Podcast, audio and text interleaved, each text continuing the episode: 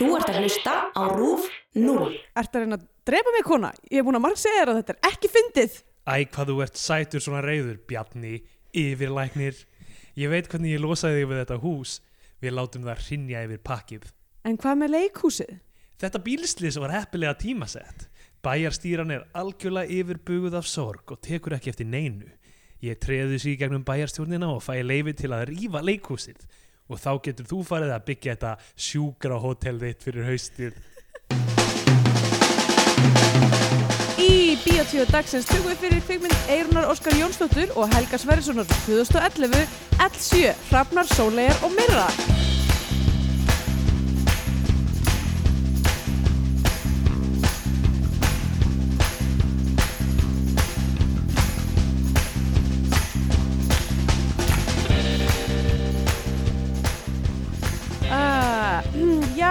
Heil og sæl og velkomin í Bíó 2 og hlaðvarpið um íslenska kvikmyndir. Ég heiti Andrei Björk og hér með mér er Stendur Gryðar. Góðan daginn. Góðan daginn. Hvað segir þá? Ég sé fínt. Við höfum nóg að tala í þessum þætti þannig að best kannski að vinda okkur bara beint í Mynd okkur beint í Við þetta vorum þannig bara að að ég lofa fæ ekki að tala um uh, permanenti sem ég fekk mér í dag og Ég, er, ég sé það ekki Nei, ég er líka með hárið í snúðum út af því að hérna, að þá var kísi var svo óður í lyktina af þú veist þessu, þessu kemikallykt Já, að hann er búin að vera að borða mér hárið sem ég kom heim. Ok. Svona klifrandi upp á stól eitthvað svona, eitthvað svona narta í það. Þannig ég eitthvað, hvað setja það í snúða. Hve, Ok, er, er mismunandi gerðir að permanenti? Sérðu hérna? Já, er- eitthvað liðað, já, já, það er liðað. smá krulla. Ok, sko, já, en svo náttúrulega líka er þetta mjög mikill bömmir út af því að hérna uh, ég er apparently með mjög áhugavert hár og því það er bæði ekkit sérstaklega þygt en samt mjög þungt. Mm. þannig að sem sagt krullurnar eru Mikil eðlist þingdi í þessu hári. Já, mikil eðlisyngt í þessu hári og hérna það er, Sekkur í vatni. Já, það er það dregur mig niður. Um, hérna, þannig að það er svona þú veist er, ná, er ekkert eitthvað sérstaklega bouncy já ok í miður, þannig að ég þarf alveg kannski að klippa meira af því Ok. uh, eða stitta það til þess að það sé minni þyngd þannig að það er eitthvað springi meira uh, já ég talaði allan tíman á þýsku uh, í hérna wow. uh, sem að var ég myndi segja mikið þreikverki fyrir mig af því að uh, hárgríslukonan vildi helst tala um hluti eins og vandamáli við Brexit og, Vá. uh, og skilnaðin sinn við mannin sinn Ok. og ímislegt annað sem að ég var ekki alveg beint með orðaforðan í en hérna en ég Þetta voru ekki sami hluturinn, skilnaðurinn og Brexit Hún var ekki að skilja við mann sem nei, heitir maðurinn er, er við strikkveldur Ó, uh, komst vá. ég að, já hún fór alveg mjög djúft í sauman á hlutum og blessunulega held Þetta ég er fyrst fyrir og mig þú fer til hennar já, og fyrst Ok. skipti sem ég fer í klippingu í Þýskalandi í þau tvö ár sem ég hef búið þetta Vá. Ef þú skilur við, þú veist, Bertolt Brecht, þá er það Brexit. Bói, ég held að það hef ekki verið keisir, okay. allavega. Og hún var líklega ekki að skilja við hann, hann er auðvitað dáinn. Uh, já, allavega, við höfum ekki tíma til, tíma til að tala um þetta. Já, nema að segja eitthvað gott, er það eitthvað gott í þessu?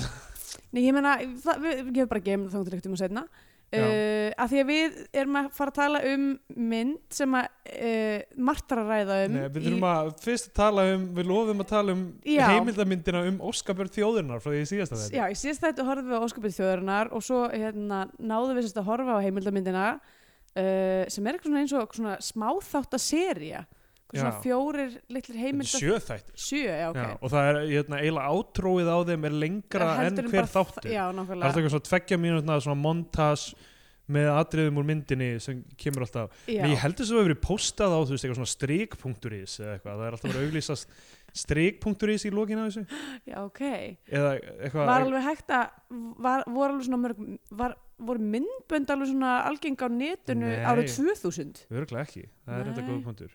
YouTube var að detti gangað nokkrum árum eiginlega. Já, ég myndi frekar halda að það væri eitthvað svona pop-tv eitthvað dæmi, kannski. eitthvað var svoleiðis. þetta bara auglýsing. skjár einn, öruglega skjár einn auglýsing fyrir strik.is Já, allavega, við fengum nokkur hluti staðfesta frá því síðast þetta með því að horfa á þessa heimildamynd meðal hans að jú, þeir voru vissulega í leifisleysi á Sipolflugvelli Já, og ég hef bara farið aftur og hlustið á óskapur þjóðan þáttinn ef við En ef, ef, ég meina ef ekki, þú veist, þetta er, þetta er kvikmynd sem uh, gerði á sama, Jóhannes Sigmarsinni sama leikstur og gerði einstór fjölskylda og skrifaði veggfóður mm og hún er að hálfu tekin upp í Amsterdam og þar á meðal á Schiphol flugvelli Já, og, og ég sagði bara ég held að það hafa ekki fengið leifi já, og það er staðfest, nei Það fengu ekki leyfi, þeir voru bara laumast inn á Sipolflugulli já, og Jón Sæmundur Dead hann snitsaði á einhvern kóreskan Ferðamann?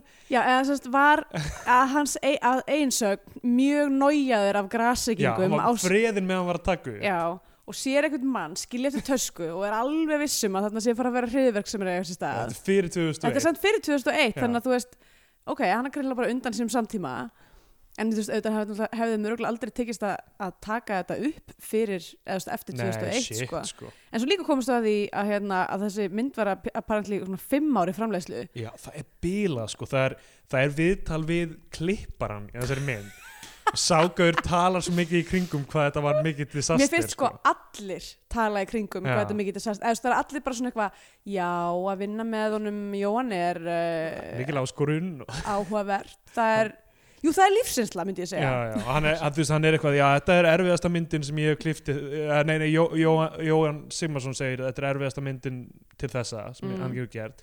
Klippingin var í gangi í heilt ár þar til nýr klippari kom inn og hann sagði bara, þegar ég kom að þessu þá var þetta bara ómögulegt. Já, og einhvern veginn tókst honum að gera mynd sem var frekar glötuð líka. Já, sko mér finnst að þessar heimildabittir skemmtilegar heldur en myndin sjálf. skemmtilega en myndin sko. ég, bara ef þið komist í þannig DFD-disk á óskapjörn þjóðarinnar Já, þá bara horfa á þessa heimildamynd af því að það er langt skemmtilegasta. Já, Og- en allavega þessi Jonni var alltaf, hérna Jóhann Simmarsson var Mm. alltaf að skipta um skoðun og bara, bara hvert sem ég hitt hann þá var hann með einhverja nýja pælingu. Hann, hann gat ekki, hann, gat, al- hann vissi, vissi innstinni hvað hann vildi gat Gat ekki útskýrt sem er bara svona, það er nákvæmlega það sem hlutverk leikstjóra er að Já, gera, já. er að geta sagt það sem hann vill.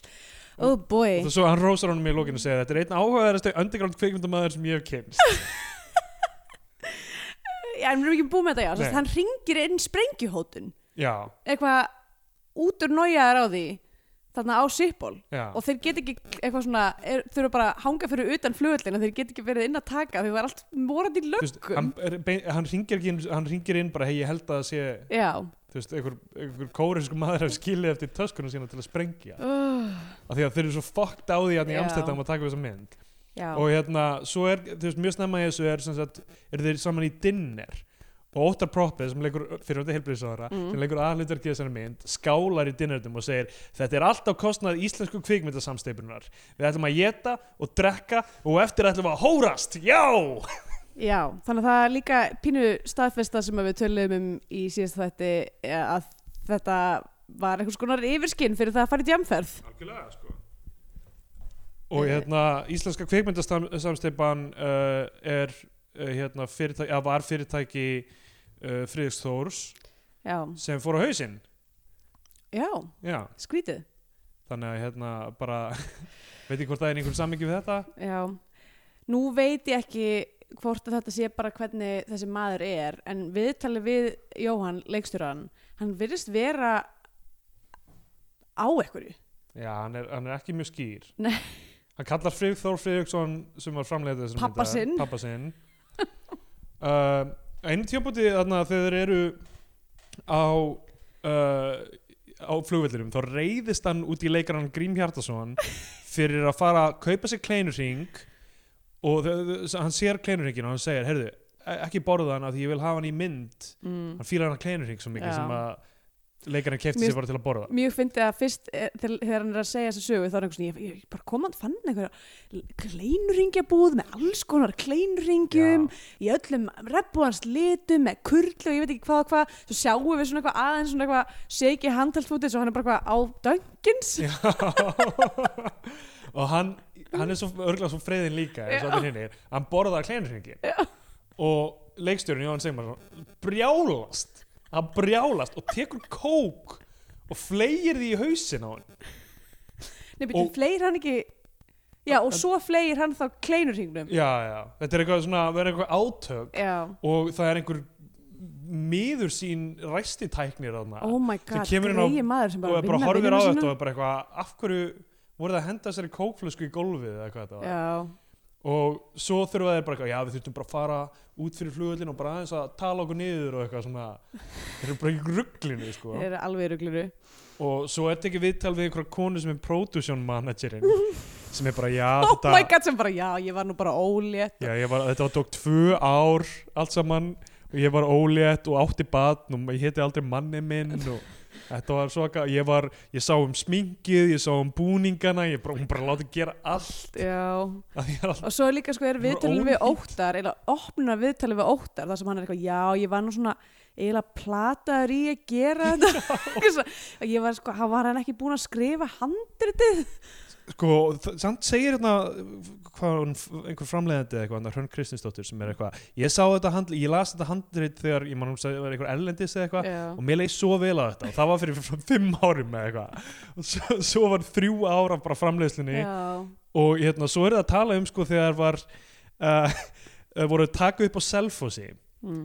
og Hilmir Snær Já. hlutverki hans Davíð það, og svo einhver annar gæði líka Já, fyrst Hilmir Snær mætti og var að leika.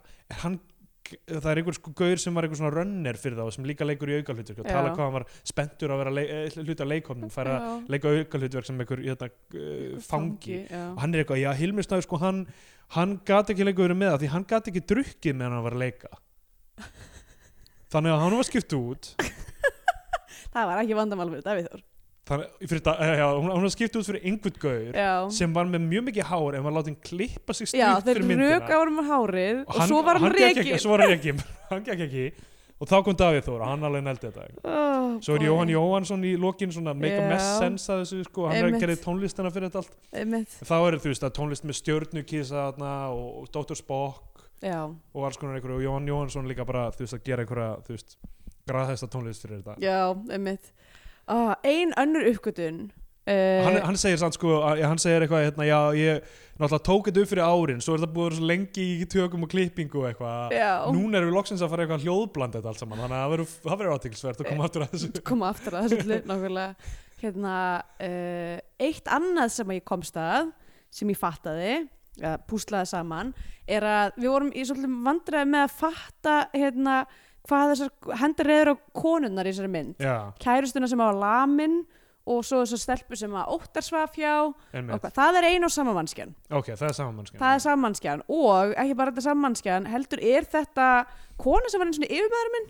Wow, þetta er Ragnheiður Axel. Já, sem var eins og yfir hérna uh, frístundaheimilum í, í Östubæðaskóla og eitthvað hérna ok, í hérna, skólum á Reykjavíkusvæðinu og hún er núna búin að opna brugghús, ok. Eitthvað independent brugghús og hérna er fyrsta, fyrsta íslenska brugghúsi sem er uh, starra eftir konum.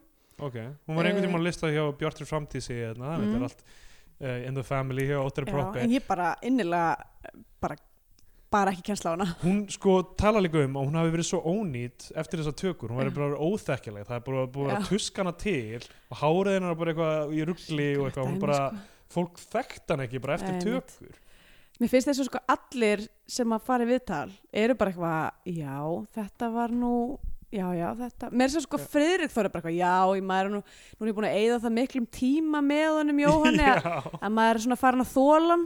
já, Eitthvað, þú veist, hvað er þetta að gera að vinna? bíla Fáranlegt dæmi, bílað sko. dæmi sko það, það, veist, þetta er eins og hérna veist, þetta er eins og eitthvað the disaster artist eða eitthvað svona þannig Já. dæmi, þetta er bara eitthvað, það var allt í ruggli þarna og við vorum of mikið inni. Þetta er eins og Fire Festival heimildamyndi Já, nákvæmlega. og svo endaði með einhverja 69 mínútna bíómynd sem er Sko, bara meikar engan sens Sko, og, eftir alla þessa klippingu og þessar auka tökur og Já, allt. en samt þegar maður sér þetta svona allt klift saman dótið sem er alltaf í byrjun á sem heimildaþáttum já, það er eitthvað svona, svona þú veist ein, ein og hálf mínúta af bara eitthvað svona hröðu klippi já, já. sér maður fullt af einhverjum hlutum sem við sáum ekki í bíómyndinni. Þannig ég er alveg nokkuð vissum að það hafi bara frekar mikið af s- bara heilir söguþráður sem hafi verið kliftur út. Bara, og þetta handrit það hljóta hafa verið bara eitthvað allt annað sem þessi kona las þarna fyrir fimm árum uh, fyr, fimm árum áður. Já, sem, sem meikaði miklu meiri sens Já, sem að hún var eitthvað frábært handrit og svo bara kemur eitthvað allt annað út. En já, hérna, Ragnar er bara í viðtalinu við hana þar sem hún lítur allt öðruvísu út, eftir hún dökkarð, kom eitthvað bod- Stutt hár, eitthvað já. svona stutt hár, eitthvað svona skálaklippingu og eitthvað. Og hérna, og her, hún eitthvað svona mjög svona dræ er eitthvað svona, já, ég meina þessi karakter er nú ekki mikið í hann varið. Einföld uh, fáfróð uh, misnotuð, bara eitthvað svona bara já, hvað varst að gera að leika þessa konu, eða þú veist? þetta er meira bara fyndi, eitthvað svona bekina að vera bara eitthvað, já, það er nú ekki það var nú ekki eitt miklu púður í kvenkarættir í þessari mynd. Yep. Allavega, þetta, Uh. þetta var mjög áhugavert að, að horfa þessa heimildamynd já, þannig að ég myndi hérna, eiginlega frekar ég myndi kannski bara sleppa myndinu og fara beint í heimildamyndina já, þá, þú þú setur samt myndina í samiki þetta er, þetta er alveg góðu pakki sko. Einmitt, uh, en uh, já, allavega það er hérna, uh, ég vona að fólkið sem kveikti á viðtækjunum til að hlusta á frásögn okkar af L7, L7, Hrafnar, Sólegar og Mirra þessi líka búið að sjá óskapjörn þjóðarinnar að hafa hlustað á síðasta þátt því að nú ætlum við að fara að tala um L7 Hrafnar, Sólegar og Mirra my boy. Þessi mynd oh boy, ég veit ekki hvað þurfum við að tala um hana. Ég veit það ekki, ég, ég veit ekki um ég get bara eiginlega, ég veit eiginlega ekki hvað ég á að segja. Getum við hoppað yfir þetta bara? Sko, getum við sett á bara átrólægið og látið það bara lúpa snöggur hefur ekkert um þetta að segja? Ég hef mjög margt um þetta að segja en bara ok, þessi mynd er gerð árið 2011 já, en hún kemur út 2011 hún kemur út 2011 já, hún, ger, hún gerði það eins fyrr en hún, hún kemur út 2011 og er, henni er leikstýrt af þessum uh, Eirúnu og Skjónsdóttur já, og Helga Sverri sinni já, þau skrifa handritið saman mm upp úr bók sem þau skrifuðu saman. Já, sem er held ég bara svona barnabók eða eitthvað. Helgi Sverrisson, hann leikstýri líka Ditt og Dauða, dauða ketti. Einmitt, My- myndinni sem gerist alfæri í Reykjanesbæ einmitt. og er svona, svona bæjar project sko. það er og alveg þetta átt árum áður. er samskonar uh, víkul þessi Já. mynd er, er svona nema þess er í Hafnafyrði já, sko Hrafnar Sólegar og Mirra er, er, er, er sem sagt bókin. Ok, f- tölum aðeins um titilinn. Sko, er það hægt? er hægt að tala um titilina? ég veit ekki. L7, tvípundur Hrafnar, Sólegar og Mirra hún kom út 2010 þessi bók, hún kom út bara rétt á hundan og svo faraði beint í að bara skrifa handritið og leikstýra? Já, ok, hvað er þetta L7, sko veitum við það? það? er eitthvað sem bætist við við myndina? Það er bókin er Hrafnar Sólegar og Mirra já, svo kemur myndin L7 Hrafnar, Sólegar og Mirra en hvað er þetta L7? ég hef ekki minnstu glóri ekki mig grunar ekki hvend ég, ok, ég var að vonast þess að þú hefur eitthvað ég góða hef hugmynd sko. enga hugmynd hvað þetta þýðir já, ég meina ég, ég þetta er eins og eitthvað svona D2 the Mighty Ducks eða eitthvað Já, einmitt. ég sko uh, ég gýrast allir upp við svona tvípunktstæmi og eitthvað svona flókna titla mér finnst það alltaf mjög skemmtilegt en það verður að vera eitthvað sko við vorum að, við, þú komst hinga heim til mín í gerkvöldi Já. og við borðum saman og sátum lengi hérna með Kristjánu að spjalla. Já. og ég var búin að horfa á myndina en þú varst ekki búin að horfa á hana þá. Og ég gæti ekki sagt neitt. Ég mátt ekki segja neitt. En hefur þú sagt eitthvað þú veist þá nei, Nei. ég er bara, þú veist, stundum er erfitt að sitja á sinni með þessu mynd já, ok, aftur að kvikmyndinni L7 Hrafnar Svo- Sólegar og og Mirra. Mirra Hrafnar Sólegar og Mirra hlutin af titlinu já. Veit, ég veit ekkert hvað hann þýðir. Sko, hrafnar er í ég, ok, ef við ætlum bara uh, þetta, þetta meikar ekkert sens hrafnarnir er í byrjuninni já, það er einhverju hrafnar í byrjun sko. uh, það er eitthvað svona ógsla skrítin eitthvað svona superimposed eitthvað svona skot af einhverjum hröfnum sem er búið að hægja á þannig að það er svona þú veist, sex rammar á sekundu eitthvað dæmi í Einmitt. gangi og, hérna, og þá er eitthvað svona voiceover hjá sér stelpu sem er eitthvað uh, að tala um það hafi verið eitthvað hrafnar á himnunum þegar já, pappennar og bróðurinn lendi í bílslis og já, dóu. þetta er sko eitthvað eitthva myndmálurgla og líka með sólegarnar og mirruna sem er mjög stert í bókinni Já. en er erfitt að koma yfir á Einmitt. filmu við sjáum allavega sóli hérna nokkur sinnum já, og Mirran er þarna leik, leikur hlutverk í, Já. í uh, loka spilinu ekkert að þessu hefur með þannig nei, eiginlega ekki. og er, ok fyrir, fyrir hver, hverja heldur að þið hafa verið að gera þessa mynd fyrir hvernig er þessi sko það tók mér svolítið langan tíma að fatta að þetta ætti held ég að vera young adult mynd. Já, á þetta ekki að vera fyrir, svona, fyrir börn já. ég held það, þetta er allavega svona svipu stemming og hérna ditta átöðu kötturinn. Einmitt. nema, ég veit ekki akkur það tók mér svolítið langan tíma að fatta það. Já, að því kannski hún byrjar af á því hún byrjar á svo fucking freaky deaky hátt skilur við, ekkert smá. Þegar þessi mynd byrjar þá, ok, við, við, við sjáum þessa Láru sem er leikinn af stelpu sem heitir Victoria Ferrell. Já. Victoria Já. Ferrer? já, Ferrell, Ferrell, eins og Will. Já, ekki eins og Tumi. Ekki eins og Tumi, nei. Nei. og Ferrer. hún, hún heitir Lára sem þess að stelpan. Pappi hennar og bróðir deyja í bílslisi bara rétt ára myndi byrja og þetta er ógeðslega dark. Ógeðslega dark. Og það er jarðaför og þú veist hún er að stara á hafið mamminar er bara eitthvað niður fucking- grátandi bara í sófanum. tauga hrúa bara ónýt. Og það er alls konar bara výrdóti í gangi. Pappinar byrtist henni sem draugur og er bara eitthvað þú mátt ekki gleyma mér Lára. Oh my god, ég var búin að gleyma því. Já. ok, ég er kannski best að nefna það. Ég kom eftir matabúði hér uh, fór í heim og ætlaði að horfa myndina ég dreif svona 40 myndur í gegn já, og var bara eitthvað, ég verð að slökka á og svo fara að sofa og klára myndin í fyrirmálið þannig að fyrri helmingurinn er pínu groggi já, fyrir hér einhvern ok. Það er, þú veist, það eru bara svona og það er ógeðslega mikið svona videoeffektum á einhverju seti sem e, bara gera Við erum kannski ekki búin að segja það uh, berum orðum en þessi mynd er uh, bara algjört bílslis, já, ég meina lestarslis þessi mynd, þetta er pæl-up af mynd sko. Þessi mynd er ótrúleg hún er ótrúleg. Hún er bara, hún er uh, hún er illa skrifuð, hún er illa leikinn hún er illa klift já, uh, illa talsett, rosalega illa talsett. Hræðilegt ADR visual effects eru, visual eru effects eru bara eins og e- e- eitthvað, þú veist, einhverju unglings eða sem svo, svona Vaffi MR þetta er eins og þetta hefur verið gert í sko hérna, eitthvað svona iMovie. Já, já. kannski Og- var þessi mynd gerð í iMovie.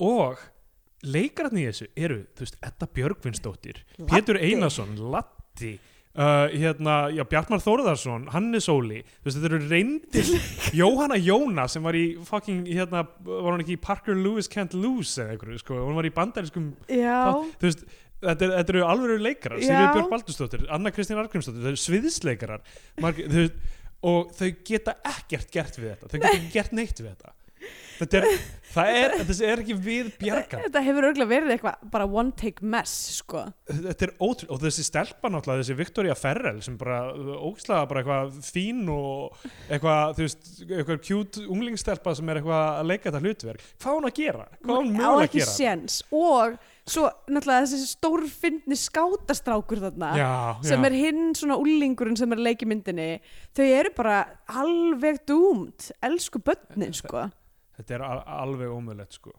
Og hérna sko mér líður svo illa að tala um þetta því að þetta er greinilega, þú veist, þau skrifuðu þessa bók og hérna og þú veist, ok, við gerum sögu sem fjallar um, þú veist sorg og harm og, já, einmitt, og og, hérna- hvernig maður dílar við veist, já, get, fráfall uh, foreldris og einhvern veginn veist, það er margt eh, og svo, og svo er þetta bara eitthvað svo ótrúlega, sko, við, við náttúrulega ein, eintæki sem við vorum að horfa á var líka með harkóðum texta á ensku. Já, uh, og það eru stafsningavill margar stafsningavillir í þessum texta. Já, já. uh, eins og einum tímpunkti stendur call me.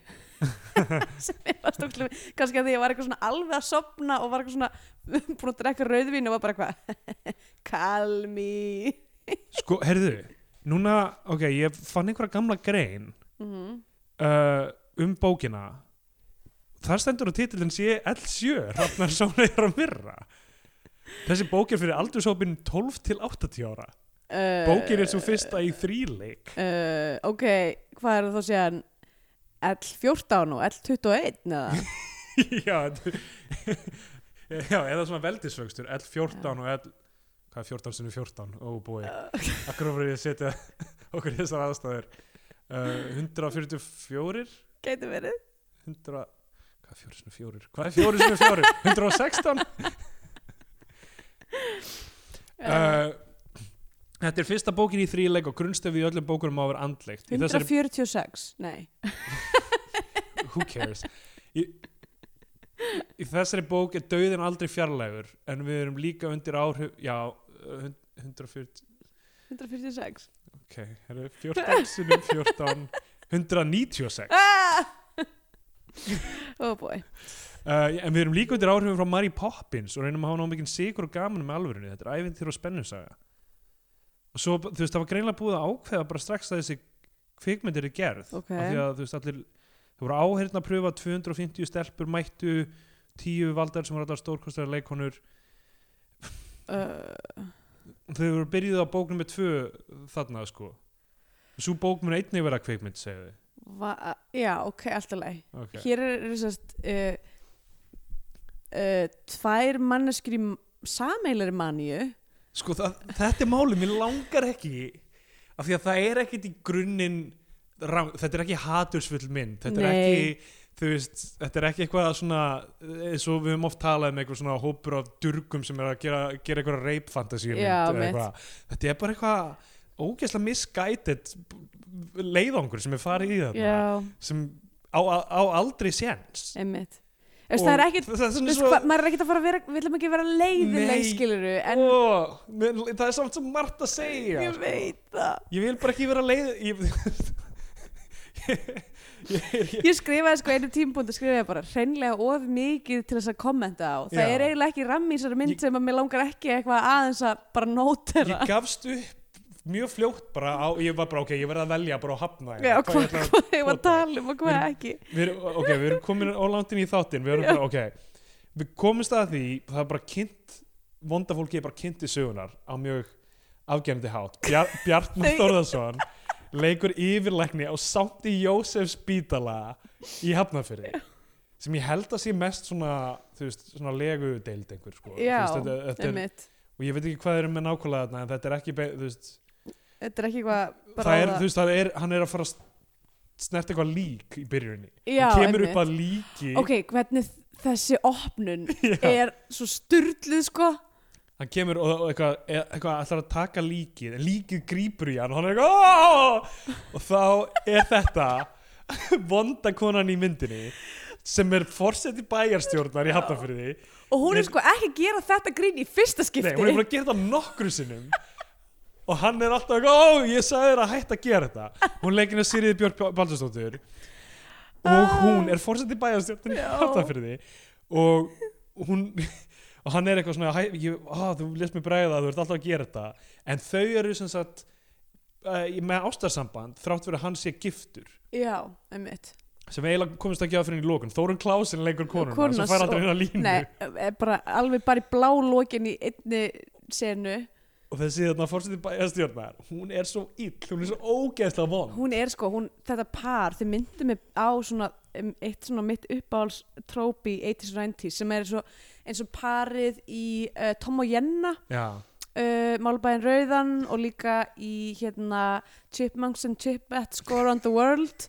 Og svona og mörgum svona, svona uh, ráðugóði krakkar 80s og 90s Já, myndum, það sem er eitthvað svona power couple sem þessi myndin náttúrulega byggir á mjög mörgum svona klísjum og það, það, þetta er svona eina af þeim sem er svona vondi stjórnmálamæðurinn sem er ok, það sem þau eru að reyna að gera þarna er svo bilað sko, af því að það sem, sem við útskýrðum í þessu samtali byrjun sem bara leggur þetta út já, er það að læknirinn vil byggja sjúkrahótel sem er greinlega að vesta sem er hægt að gera. Já það er mitt. svo dastarlí og kvikindslegt að, að byggja en nei, þá sjúkrahótel. sko náttúrulega að þá að vera eitthvað svona luxus já, já, þetta er eitthvað svona en, engareiki engareiki hótel Já, þetta er rétt eftir hrun það, það er það vestar sem getur gert það er að fara illa með ofinbæra peninga og hérna, en hann er yfirlæknir þarna og sandi Jósef spítala og þetta er það sem hann vil mest gera, það er að byggja þetta. Já.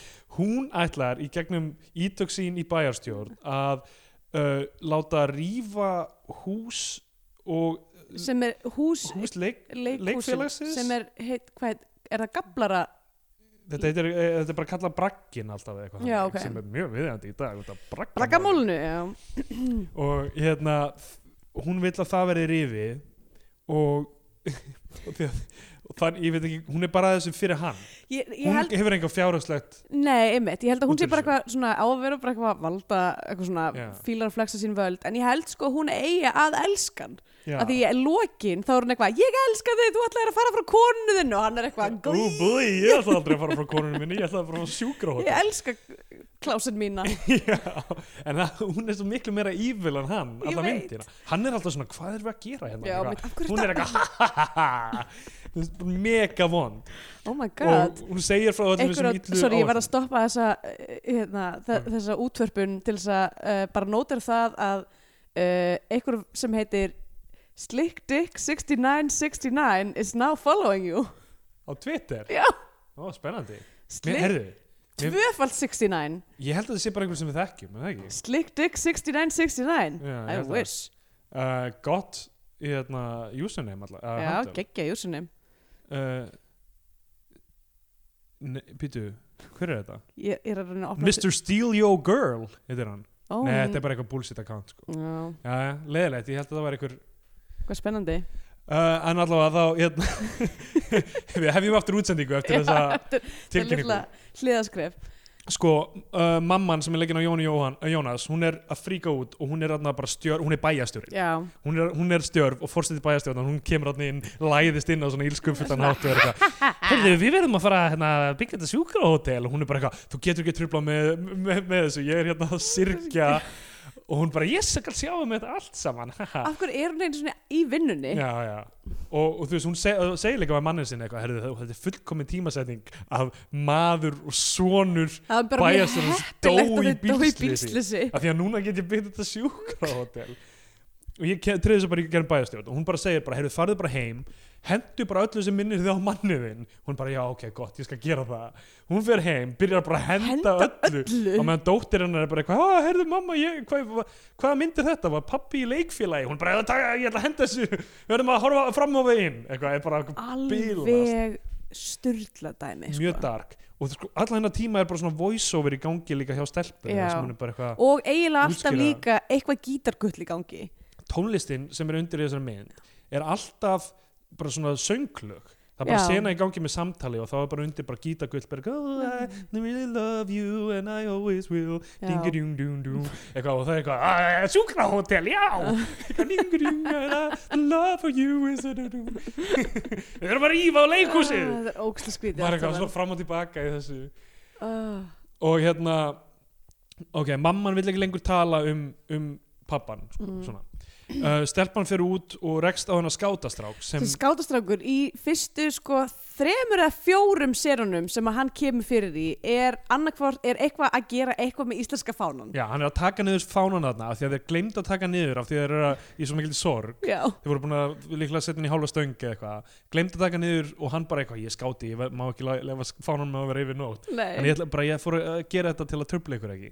að að það er svona save the cat moment Já, einmitt, hann er góð strákur Já. skátur, skáti. Og svo sko, svo næst þegar við sjáum hann þá er hann líka eitthvað standandi við fánastöng, eitthvað að að draga upp fána eða eitthvað. Svo er hann á einu tímpúnd að brjóta fána saman. Ég er eitthvað svona, ok, þessi gæi er bara milli staða, eitthvað að sýsla með fána Já. allt sitt líf Ég var smá stund að fatta líka að þetta veri hafnafjörður af því að þetta er alltaf spilað eins og þetta sé bara svona í smá, smá Já, bæ, sko. algjörlega, ég fatt að það ekki fyrir fyrir sko bara í miðri myndinni þegar það verið að tala um eitthvað hafnafjörða vitan var ég eitthvað, já, ok, þetta er hafnafjörði, ok. En, en veist, þetta er allt spilað eins og þarna, þessi bæjarstjóri þú veist, þessi fórseti bæjarstjónar hafi bara öll ítök í bænum mm, og þetta, þetta bílistís hafi bara skekið, skokið. Skokið bæjarfélagið.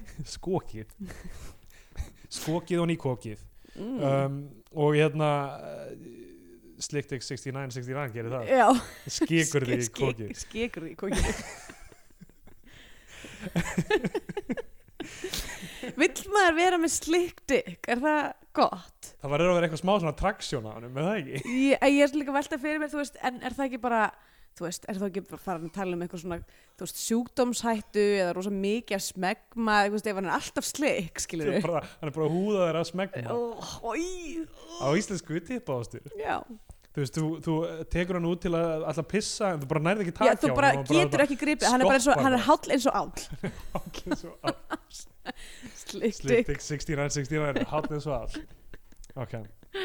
Uh, og hún, stelpan er bara veit ekki hvað, hún getur ekki talað við mömmu sinna Já. þetta er bara algjör hörmú hún ráfar eitthvað út. Og veist, þarna held ég líka að þetta verið smáþorp af því bara, það eru bara við hafið og Já, sem hafnafjörður er náttúrulega er leiti en veist, ráfar út og rekst á einhverja konu sem er að gera jóka og er að gera eitthvað svona, Er svona random jóka hugleyslu dæmi Já, og er með alveg stórkostlega hérna, obvious hárkollu.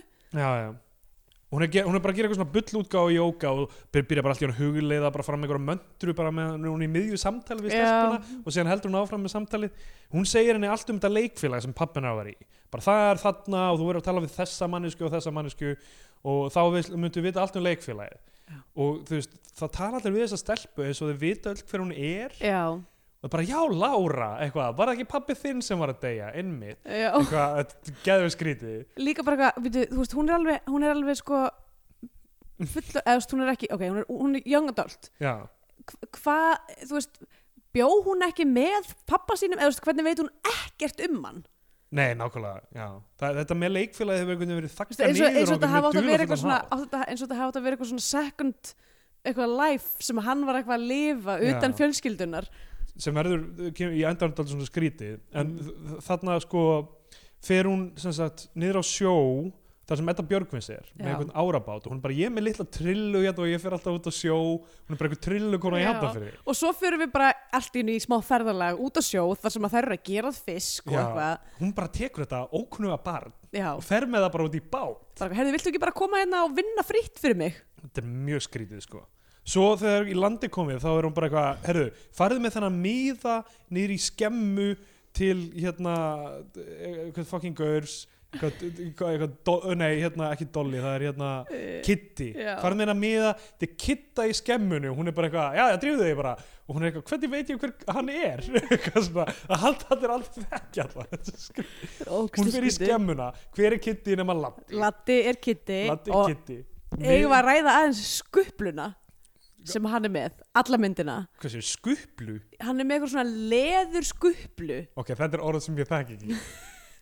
Þetta er bara svona, þú veist, þetta er svona, þú veist bundið skilur við aftan á. Já, svona hárið eða? Uh, já, þú veist, hann er með bara svona, svona leðurpjöllu sem, er, sem að er, þú Já. veist sem að, hérna, er svona bundina aftan og hann er með þetta á haustnum allan tíman, við verðum eiginlega að taka einhver screenshot úr já, svona ég, mynd. búin, ég tók nokkur sko og, Eh, og, og við verðum að bæta við sko. Já. þetta, þetta verður eitthvað bara heilt myndasamt sko. já, og hann hérna Skupla Er eitthvað tónlistamæður, það er eina sem ég lært. hann er með þessa skuplu alla myndina. Já. alla myndina og hann er alltaf, alltaf klættur í leður og er eitthvað svona eitthvað algjör kall. Hann er eitthvað svona töffari og hérna, hann, hann bara, þetta er innkaupalisti áður hann að senda mig út í búð eitthvað. Ég, er, hvert er þeirra samband, eru þau par eða hver, það virðist vera að allt þetta gamla fólk sem er saman í þessu leikhúsi búi líka saman? Já, er líka bara, örugglega bara að ríða eitthvað. Já, þetta hlýtur- það hlýtur að vera, þau hljóta að vera í ykkur svona pínu svona örlitlu költi. Já, og þess vegna var þetta svona höss höss með með að pappin var já, partur þetta af þessu. að vera að ríða öllu gamla fólkinu af því að það er líka bara gamalt fólk í þessu Já. leikfélagi og þegar þessi stelpa loksins gengur í leikfélagi þá eru þið svo spennt. Þau eru bara hvað, fá þú yes, aða við erum hlutverkið með 13 ára barn, við skulum bara láta því leika Sancho Panza í Don Quixote. Oh my god, ekkert skrítið. Nei. Ok, en hérna, hann sem sagt hann er að gera við einhvern bíl eða bát eða eitthvað, ég man ekki hvað það er. Uh, mótorhjól. Mótorhjóli sitt, já, og það er bara sprenging og svo, effektarnir og bara Sprengingin er svo fyndin sko þú ert bara með eitthvað svona Hljóðið. static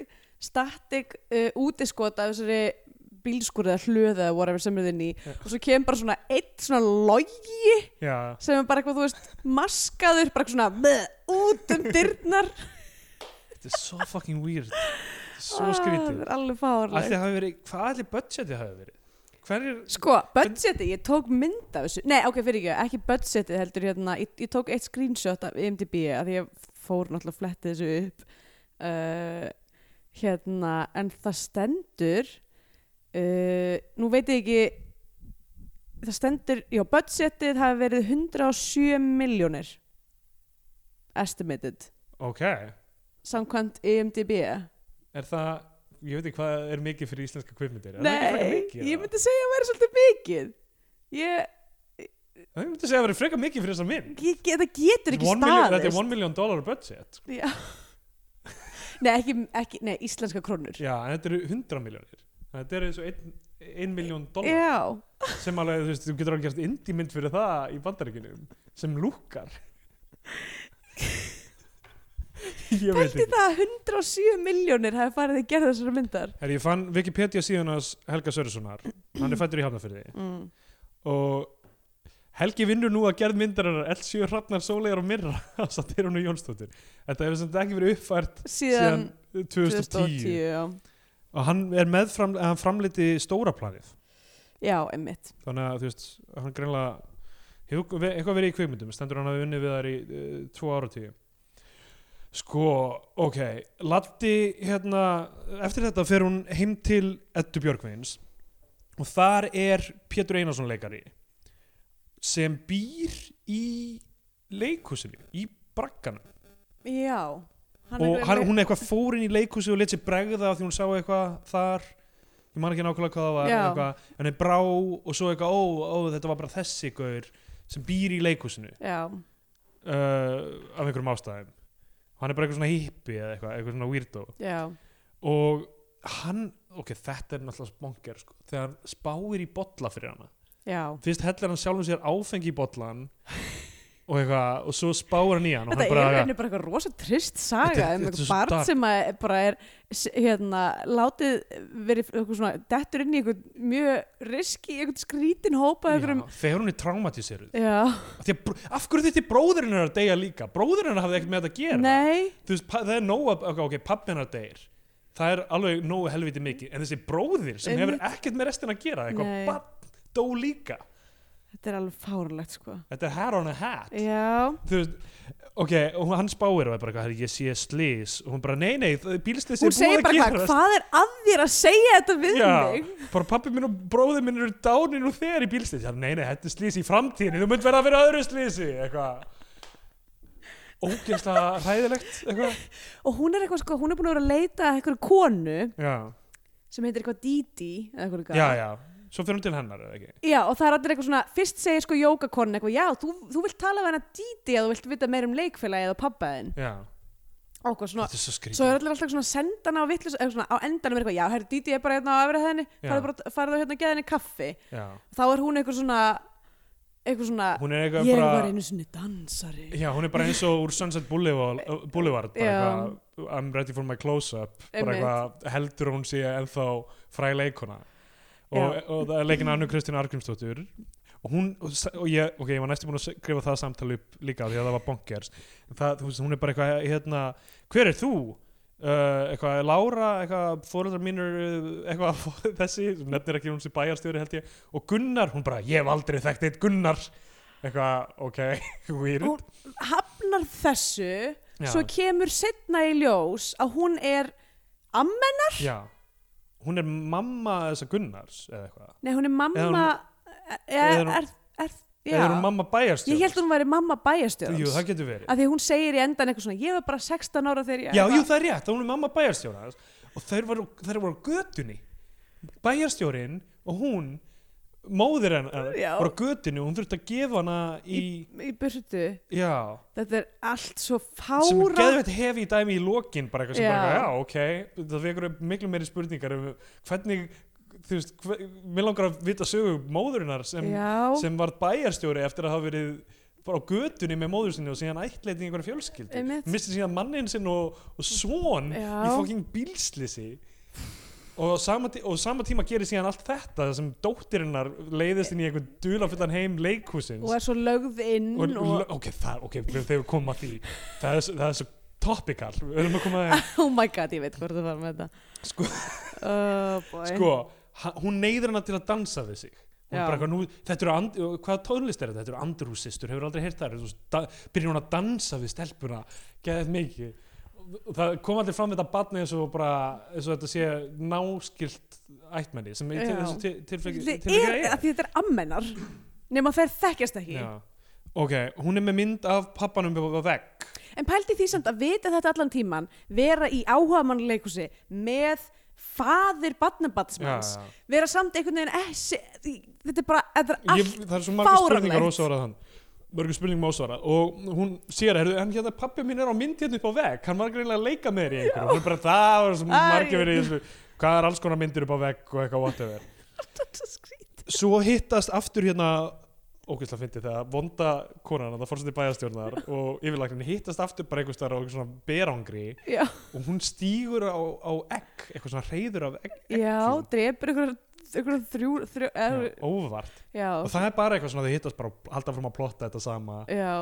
um, og svo sjáum við hérna leik, leikhúsi eins og sjáum við ógstlega svona langt skot af eitthvað svona lóunu sem átti þetta reyður þar sem hún stendur bara álengdar eitthvað, ó nei. Hún er svo vond þessi kona. Hún er bara að drepa ófætt börn þessara lóu sem kemur vorið. Já, og ok, svo er kliftið yfir í leikhúsi. Þar er allt á fullu á því þau eru að fara að setja upp Don Quixote. Já, og það er svo mikið fjör og þau eru með state of the art græjur sem er, eru hérna uh, eitthvað svona vindvél sem er nógu mikið til að bara feikja bara öllum um koll. Já, og snjóvél sem þau kveikja á bara, bara til að leika sér. Einmitt. Og, uh, og, og hérna stelpan uh, náttúrulega verður uh, bara yfir sér hefinn strax og er bara, þetta er eins og æfintýraland bara, bara verður ástfangin af uh, leikhúsinu strax. Já, og hún byður um hlutverk í leikritinu og þeir bara náttúrulega, já, bara herri já, þú verður bara Sancho Panza. bara eitt að þú hluturkonum ert að læra set, all, all, all, allt sem hann þarf að segja á einum degi.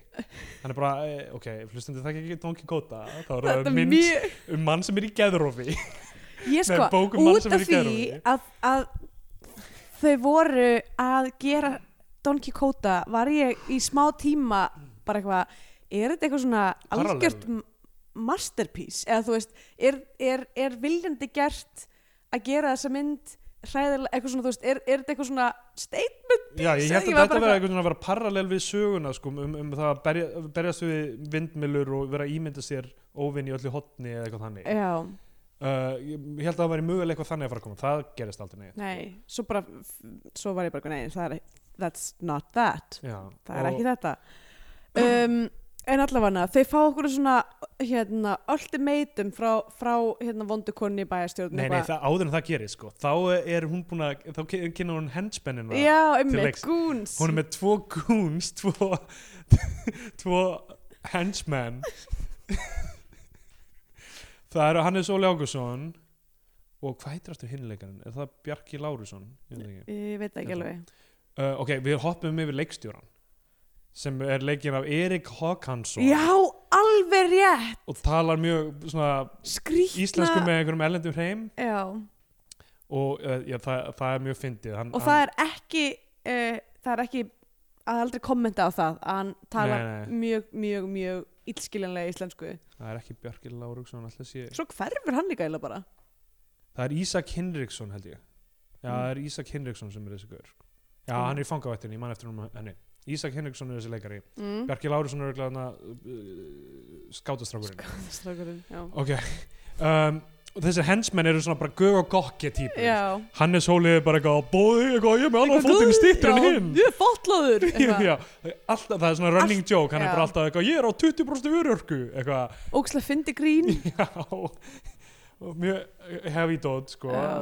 örgulega hræðilegt verður hann á fótinn stýttir en hinn og hérna hún já, mamma teysar fær alltaf hann bara baksjekju mjög snemma. Já, og það, fer- hún, hún sem sagt hérna, já, hún er bara alltaf með eitthvað hún teyser fær teysar að það í byrjun og prófar hann bara á Hannes Óla bara teysar hann og sendir þá plottið hennar til þess að, ok, þetta er bilað og þetta er alveg á skjönu það sem hún segir í byrjun þegar hún talar um að rífa bara, að þú rústa þessu. Hún bara sendir þá til þess að eyðileggja leikriti þannig að það verði svo vond að, að kom ekki neini peningar inn og þið neyðast til að loka. Já, og þetta er það sem er í húfi í rauninni.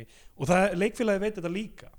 Já, þeim er allavega gefnir þessi afkostur eitthvað þið verðið að fylla leikhúsið uh, eða þá að við verðum að loka Já, þeir vita það samt fyrirfram, þeir vita það áður hún kemur. Já. vita, vita bara að það skiptir öllum að næsta sýning sér góða því að við hefum lítið að pening og þannig að við þurfum bara að fylla húsið og það þarf að ganga upp. Svo mætir hún bara vonda, bara í leikhúsið já, til þess að segja þeim þetta án hún bara mætir og eitthvað ha ha ha, eins gott að veri fullt hús á næstu sýningu hjá ykkur því annars munið þið þurfa að loka. Akkur þurfti hún að segja þeim þetta hún er eina sem hún gerir er að íta undir metnaði þeirra til að fylla húsið. Og ég var að mun eftir mótorhjóla montasinu ok, býðum býðum það er ó, það er svo mikið.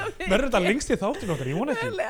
Ok, hún mætir og er bara haha, þið verðið aldeilis að taka höndum saman og vinna sem einn hópur. Já. ef þið ætlið ekki að glata eh, ástkjara leikfélaginu ykkar, eitthvað Já. svona. Og það er bara ok, eitthvað best að setja 13 ára stelpuna í hlutverk Sancho Panza og láta hann að læra all- alla línunar á einum degi. Já, og svo bara, bara gerum við þetta. Hannes Óli auditionar já, og e, e, fer í gegnum bara fullt af hlutverkum bara eitthvað svona bara Hamlet og Romeo og Júliu og eitthvað svona eitthvað íslensk hlutverk. Já, og, og syngur lægið úr gauragangi hérna, á ég að elskan eða á ég ekki? Hann hefur auðvitað bara verið að gera eitthvað sem hann myndi Já, eftir. hann gerir líka eitthvað, þú veist, Robert De Niro eða eitthvað, ég man ekki, þú veist, hann bara í gegnum mjög mikið til auditiona mm, og er ráðinn til að leika hvern hlutverkið í Don Quixote sem ég man ekki hvað heitir. Uh, uh, og hérna, svona love interestið hana mm, og, og svo, ok það klifti yfir í sagt, heim til Láru aftur, sem stelpunar og ma- hún er búin að elda fyrir mömmu sína því að mamma hennar er bara, þú veist, það er engin að hjálpa bæjarstjórunum í Hafnarfyrði í gegnum þetta já, það er ekkert fólk þarna eða neitt. Þú veist, ekki einu sinni hún á samflóksmenn náttúrulega á enga fjölskyldu. Já, en en við vitum það ekki á þessum en tíma hún var gefin til annar fjölskyldu var það ekki, hún var Já. gefin til einhverja svona efnaðri fjölskyldu allavega, þú veist, hún hefur ekki kynst neinum í gegnum sem feril í stjórnmálum, hún Nei. er bara eitthvað e- ein alveg, já, og hún er bara eitthvað langt síðan ég fengi nýbakað sótabrauð og eplaskýr. Ég, ég, bara, ég, ég hef bara aldrei fengið nýbakað sótabrauð og eplaskýr. Hvað er, sótabrauð? Er þetta eitthvað kombo? hvað er sótabrauð? Sóta, er þetta ekki eitthvað sem Samson bakar í svona maltbrauð og sótabrauð eitthvað svona það voru svona skrýtnu svona baka sótabrauð og eplaskir þess að bara stelpan bara bakaði eitthvað sótabrauð fyrir hana. Og hræriði eitthvað skýrið bara frá það er svo mikið, ég skrifaði svo oft niður eitthvað sem ég er að reyna að skilja. Já, eins og ég skrifaði með stóru stöðbyrna skúli skakki. Já, já, byrju ég skal, ég skal segja frá því á eftir. Það er heila erið Sko, ok, mam Nei, það, það er það sem gerist næst. Mamma hennar bannar hennar að vera í leikfélag Hún er bara eitthvað, ég fór og kynst þessu fína gamla fólki og eitthvað. Já. Hún er bara eitthvað, nei, þú mátt ekki fara í leikfélagi. Sem hefur eitthvað með pappan að gera en ég veit ekki af já, það er ekki Hvað útskilt kjælt hann fram hjá hann í leikfélaginu? Hann var náttúrulega örgulega að sofa hjá öllu þessu gamla Já, fólki. örgulega, orgíum með þeim. Já, En ég svo- þetta leikfélagi er bara eitthvað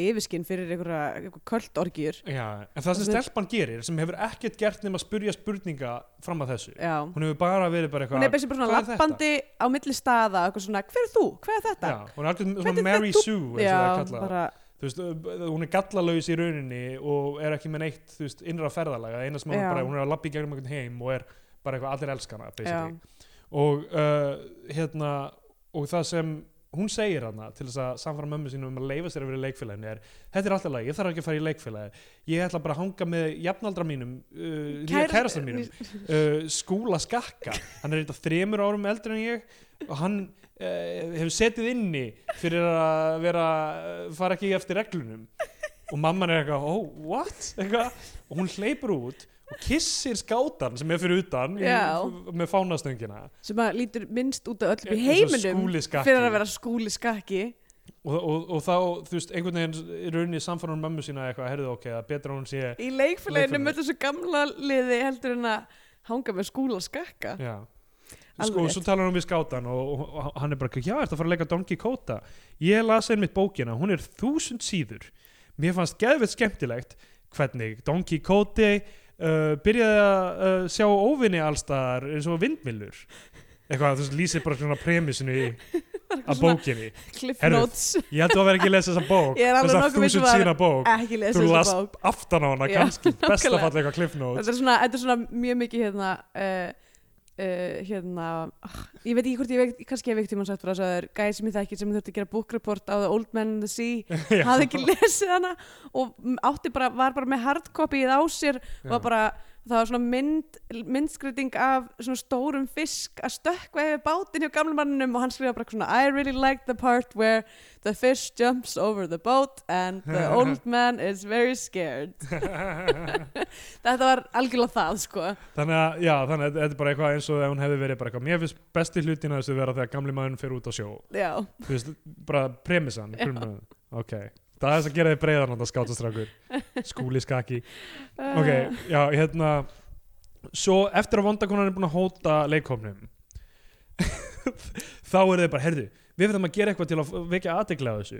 Hvað með að ge- gera götuleikhús eitthvað, og þá getum við kynnt þetta. Við förum bara, we'll take it to the streets. Veist, bara gera götuleikhús sem er sama tíma og það er svona við senur höfum jákvæðnina vopni já, sama tíma og við gerum senur þá auglýsum við að það sé leikrit að byrja. Já, þá kemur þetta mótorhjóla máttas já. þau setjast að fjögur þau eru fjögur og einu mótorhjóli og að við erum að sladda. tala um svona uh, uh, hvernig hann var að lýsa þessu? Ég veit ekki hvernig á að lýsa þetta, veist, ég fór einu sinni í Universal Studios og fekk að prófa svona green screen dæmi veist, ég var bara sett á mig húfa og jakki og ég var að- í atrið úr einhverju svona, einhverju svona bíómynd einhverju, uh, og þú veist, ég var á hjóli og var að hjóla og fyrir aftan mig var svona green screen já, og svo sá ég hvernig þið settu inn bakgrunum mér fannst það ógæslega töff. Já, og þetta var töluvert verra en það sko, sem var bara gert á staðnum, Á staðnum. í Universal Studios þetta er svona basically bara eitthvað svona uh, footage sem er tekið út um gluggan á bíl uh, á götum hafnafjörðar gerir ráð fyrir og svo þau fjögur að sitja á já, já. uh, superimposed uh, að eitthvað svona, ú, benda og hlæja og tala saman. Eitthvað öll fjögur á þessum mótorhjóli. Þetta er sko komikal það monta sem mjög fyndi og það er líka svona eitthvað þú veist, uh, rapparnir tveir eitthvað svona plotta Já, þau eru eitthvað svona í, eitthvað svona timelapse að setja upp hérna, uh, plaggut og svo koma hérna, já, eða gaurarnir og rífa það ni Já, niður og eitthvað. Og svo kemur þetta styrlaða dæmi sem þetta er er það rugglaðast það sem ég sé Ég, sko, ég held þegar þetta ótrúlegt. gerðist í myndinu var ég bara, ok, þetta verður ekki klikkaðar heldur en þetta. Nei. nema hvað, svo verður það bara stigmagnast klikkunin. Og þú veist, þetta, einhver hluti af þessum 107 Milljónum miljónum hlýtur að hafa farið í þessa senu af því að þetta er risa hópsena í, í fyrðinum Ég held að sko hljóti að hafa verið tekið upp í alvörunni á hátíðstegi kannski hluti, en svo er bara þögn yfir hluti af þessu meðan þú veist, það eru nær þrengri skot en það eru samt alveg svona kannski 50 manns í þeim. Já, það sem er bara þögn nema leikarannir að tala. Þeir hefðu aldrei náðu því í einhverju bæjarháttíð eða eitthvað.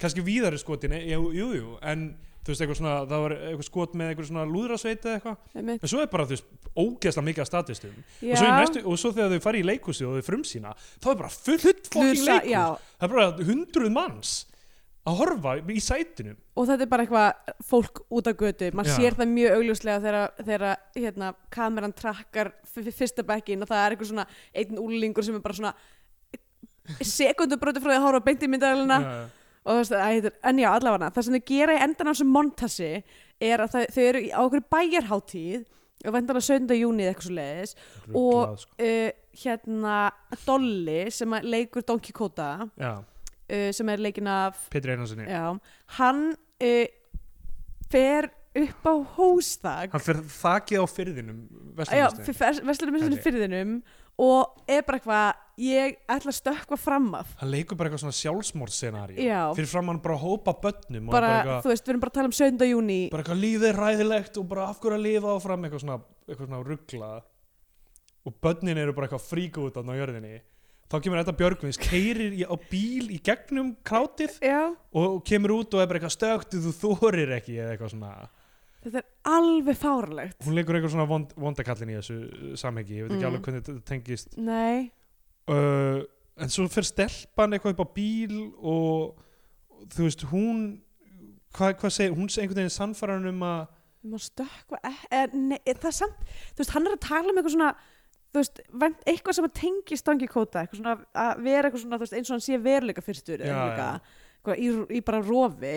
Uh, og ég man ekki hvað hún segir allavega hann endar á því að stökkva. Já, hann stekkur af þakinu og þá kemur náttúrulega eitthvað svona mjög lélegur effekt sem sýnir hann hrapa niður. Já, uh, nema hann gerir það ekki. Og svo hann Og- sérst er í einhverju beist, svona, Já, já. svona klifurbeistli þannig að það er bara allt í lagi eitthvað en það er allir náttúrulega bara fríka út. Það er Já, bara ekki áfalli.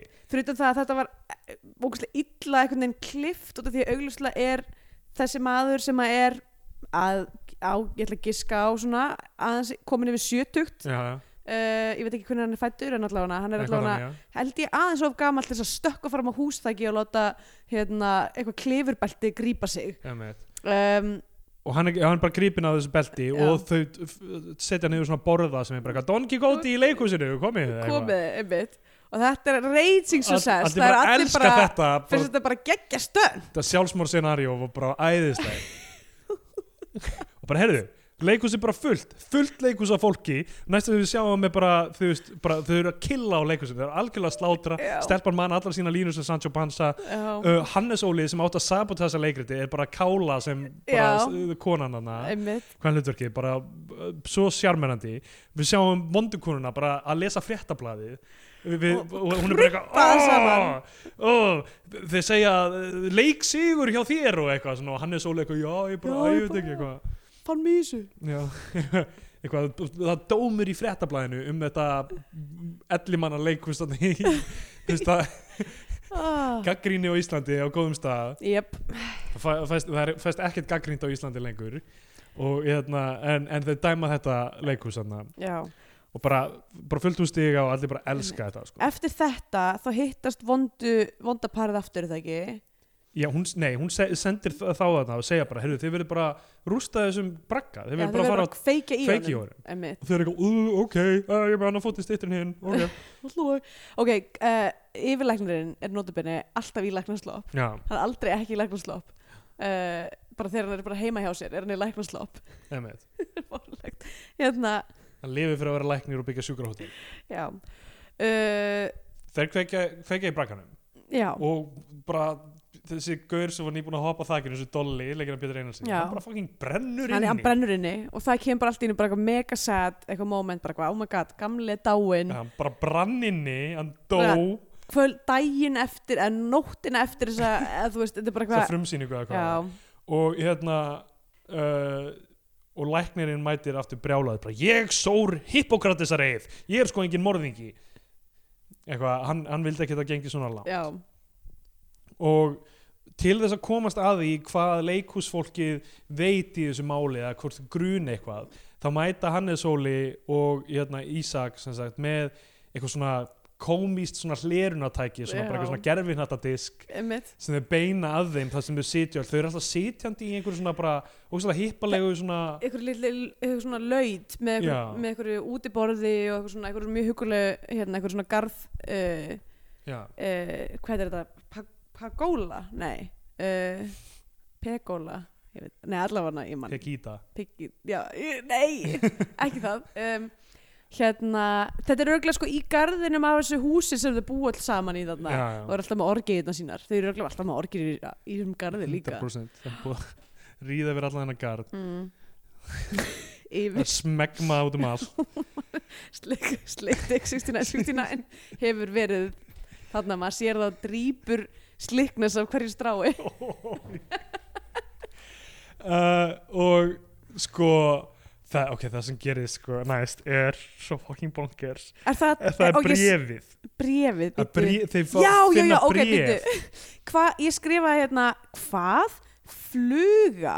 Hvað, ve, ve, veistu eitthvað sem gerist með flugu það er Það er- einhver flug, einhver bífluga það er eitthvað moment sem einhver fluga trublar einhvern og það gerir ekki ok, ok. Ég man eftir þessu líka, það var bara ekki jarring allt í Bara hvað, fluga. Og allt aksjoni í myndinni fyrir svona einu og hálfa mínútu um, þú varst um einhverja bíflugu. Þetta er mjög skrítið. Alltaf, það, það, það, það, hún kemur að Didi eða eitthvað held ég, ég held að það sé hún. Bara, ég er með bref sem hann skrifaður hann dó, hann Dolly. Og það er bara einhver svona ratleikur, einhver svona vísbendingaleikur um eitthvað, mig grunaði að, að eitthvað veri ekki með feldu og mig grunar að þessir hérna ég hluta máli til þess að finna vísbendingarnar uh, finna allt sem þarf þá þurfa að leysa þessar vísbendingar. Og núna er, erum við bara off to the races. Í þessum að held ég bara er reil nánast restina myndinni Já. er bara einhver einhver, hérna, einhver scavenger hunt. Og þú veist, þeir heyra þetta náttúrulega þarna kónarnir, nema annar þeirra finnur hrífu setur hann svona ok, hvað var það? og er eitthvað að meðan Hannes Óli er eitthvað að hlera um þessar vísbendingar og það notur benni í, þessu brefi sem að hann skrifaði eftir að hann átt að deyja Nei, um, áð, áður- áð, áður- en hann átt að deyja skrifaði hann þetta bref þar sem er eitthvað mig grunar að ég muni verða drefin og þess vegna er ég að senda þetta bref já, í staðan fyrir að segja einhverjum þetta eða eitthvað nei, nei, nei, alls ekki. Hérna, þá setur kónin sem sagt egg á uh, efst á skaftið á hrífu. Já, og síðan hrífu með uh, tennurnar upp sem að tennur á hrífu. Já. Þannig að þegar hann er svolítið búin að uh, hlera snýr hann sér við, stígur á, uh, á hrífuna mm. og egginn skjóðast beint framan í hann. Já, hann fær sagt hrífustöngina Já. á andlitið og Með með egginu sem brotnar á andlitinu á honum. egg on your face. Þetta, uh, og, og enn og aftur en eitthvað, en ég er fatlaður! By the way, við, ég held við höfum ekki sagt það á hann ástæðan fyrir að þeir eru að sinna þessu starfi er að þeir eru á launaskrá hjá Hafnafjörðabæ sem Já. bæjarstarfsmenn. Mm af því að fórsetið bæjarstjórnar vissi að þeir væru með sakaskrá og fengju aldrei ráðningu annars. Já, þannig að hún bara eitthvað, hei, þið fáið að vinna fyrir mig ég kem ykkur á spinan hjá bænum. Sem ykkur láluna bæjarstarfsmenn eh, en þið fengju ekki svona en fína vinnu annars. að uh, fremja glæpi? Fremja Fyrst þeir eru að fremja glæpi, akkur fara þeir ekki að fremja alvöru Glæpi, glæpi, já, til þess að glæða þig. Þetta er alveg, alveg ruglað sko. Mér finnst að hann er svo líka að fá allan karakterin í þessu. Hinn gaurinn er eitthvað svona þessi Ísak Henriksson hann, já, hann er bara hann er bara svona uh, lemjan bara, ó þú er svo vitlaus þetta er svona smá Já, svona einhvern veginn. hans karakter er basically bara eitthvað ah you knucklehead. Eitthvað þannig dót. Um, textin sem er harð, harðkóðaður uh, það var, er svo mikið eftir sko þetta, var bara alltaf að koma á eftir eða á undan, stundum á undan en mjög ofta á eftir líka. Hann er út um allt. Um, ekki það að það skipti eitthvað höfumáli en Nei. það var alltaf mjög erfitt að horfa á ég var mjög mikið að reyna að hun- hunsa það en, Já. Um, uh, já, sko, svo er jarðaförin Súsina er algjörlega styrluð uh, læknirinn er bara eitthvað, herðu, hérna uh, velkomin í jarðaförina hann, uh, Dolly Dáin hann var með mjög skýr fyrirmæli um hvernig jarðaförina það sætti að vera. Og svo spilar orgeleikarn eitthvað svona saltgjöð og bönir, túkall. eitthvað svona. Og svo er bara jarðað fyrir búin. Svo er bara að stuttraða bara eitthvað, herðu, hann lifði hann dó, herðu, takk fyrir komuna. Eitthvað, eitthvað búið. Mhm. svo kemur presturinn út strax eftir og er bara eitthvað, Lára uh, eitthvað, þú veist, hann veit hvað, þetta barn er. og það er eitthvað svona uh, hérna, hafnafjörðar hópspjall eitthvað svona, það sem allir er eitthvað, já, við erum að þess að hjálpa sér láru. ég held, ég held mögulega að í lokin það myndi koma í ljósi að þetta hefði allt verið sett á svið fyrir láru til að hjálpa henni að komast í gegnum já, sorgina. Nei. Eitthvað við settum bara risastóra ráðleik með eitthvað svona ráðgátu til þess að, sem er alveg að bonkers og þetta endaði að vera í feika rauninni dauðan á okkur manni sem að er nýbúin að kynnast og eitthvað. Sem við gengum langt í, í leiknum og alltaf ok, fyrsta vísbendin sagði eitthvað, þið finnið fyrstu vísbendinguna þar sem ég fer til kvílu eða eitthvað svona þannig að þau bara, það lítur að vera jarðafruna já það lítur að vera jarðafruna þau mæti jarðafruna sem þau hefðu hvað sem er annars gert. vera, já, presturinn bara, Lára, það er bríafjarnar Bréf til þín þegar þið mæti jarðafruna þá fáðu þið fyrstu vísbendinguna. Af hverju er þetta bríf já, presturinn lætur hún að fá bréf og það er bara eitthvað hérna uh, dulmál á kyrilísku letri. Já, það er bara eitthvað svona þau, þú veist þannig að jókakonan held ég, já. mér minnir að hún eða, eða Didi, sem að hún er málari uh, málaði sviðsmyndina í hérna leikusinu hún er apparently líka mjög mikil uh, dulkóða Svona sérfræðingur. kryptografir, Já. svona, svona Da, Vinci Code svona Mhm. Dan Brown-esk típa á þessum tímpóndi slæst uh, skátastrákurinn með í för. Já, ég bara eitthvað svona allt í hennu upp úr þurru er hann bara eitthvað mættur og eitthvað, hörðu, ég bara á ekki hjálpa, eitthvað, Já. alveg random allavega, hann er allt í hennu komin með í leikin það, dulmálið segir þeim þetta er bara alltaf svona stafurinn sem er á undan stafnum mm. í rauninni. Og dulmálið segir þeim að brjótast inn í bankahólfið sem hann er með í banka. Það gerir síðan bara off-screen já, brjótast inn í banka bara off-screen og bara við fórum, og, fórum inn í bankahólfið og, og þar fundum við næstu vísbreytingu. Og eitthvað, ok, ok, þið brutist inn í banka. Já, við sjáum það ekki gerast. Uh, jókakonan er meðan eitthvað svona skjóta paintballs á striga mhm. sem er eitthvað svona hennar það er er- óslega mikið svona kvörk í karakterin sem hefði verið, þú veist, ég ætla að segja til varnar þú veist, það er Já. alveg kvörk síðustu sem er áhugaverð. Já, ef þetta hefði bara verið betur skrifað eitthvað, það Já, ætti að vera að vinna með marga eiginleika þessa fólk sko. mitt uh, já, býtur nú við. Næsta vísbending í bankahólunu segir það, næsta finniði inni bara skjalasafninu bara á skrifstofu yfirlæknisins eða eitthvað þannig. Mm. og uh, þannig að þau klæði sig öll upp sem einhver svona viðgerðamenn þar á meðal 13 ára stelpa já, og uh, fara inn á Sankti Jósef spítala og feika eldsvoða inn á spítalanum. Með öllu græjanum úr leikhúsinu sem Já, er búið að brenna já, það er góða punktur. Reikvél og ljós, svona raukt ljós og eitthvað. Uh, og það virkar þannig í rauninni þau gera það bara beint fyrir utan og þau, ná, þau líka aftengja brunabóða og eitthvað dæmi. Já, þannig að það sé ekki hægt að láta slökkuliði vita. Þannig að hérna þau gera þetta fyrir utan skrifstofuna hjá yfirlækninum já, og hrópa eitthvað svona gjallarhorn eitthvað, það er eldur komin upp í húsinu vinstalast farið út, ekki farið út á gang farið uh, út neyðarútganga. Hann uh, tekur samt í hurðahúnin eða eitthvað svona með uh, erminni einhvern veginn sér allan reik og þetta ljós sem, sem líktar og ekki eins og reikur heldur bara eitthvað ekkert skrítið. En hann fer út um hérna gluggan já, þannig að þau komast inn og geta stólið þessu. Hann Já. fer út og er bara að segja löggunni bara, hann, hann ringir á lögguna fyrst og bara það er eldur. Já, og svo þegar eh, þau koma það bara eitthvað, heyrðu það var eldur, ég sá eldin og bara það er enginn sá hann eld nema þú. Já.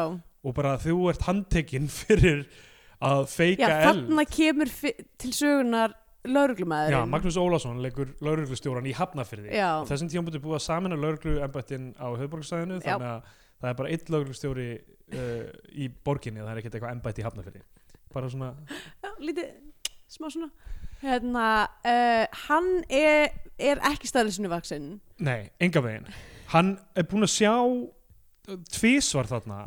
Uh, þau á vettfangi held ég, hann, hann sér þau tótal þrísasinnum á vettfangi allt þetta gamla fólk og Já. stelpuna. Nema sko fyrsta instansið sem þegar, uh, leikhúsið er, er hérna brenn, að þá náttúrulega mæta þau bara eitthvað, þegar það er búið að brenna eitthvað, ó nei, það já, er búið að brenna leikhúsið. Og þá er hann bara eitthvað, að þið eru grunnsamleg bara fyrir að vera, já, já. þú veist standandi að horfa á þetta.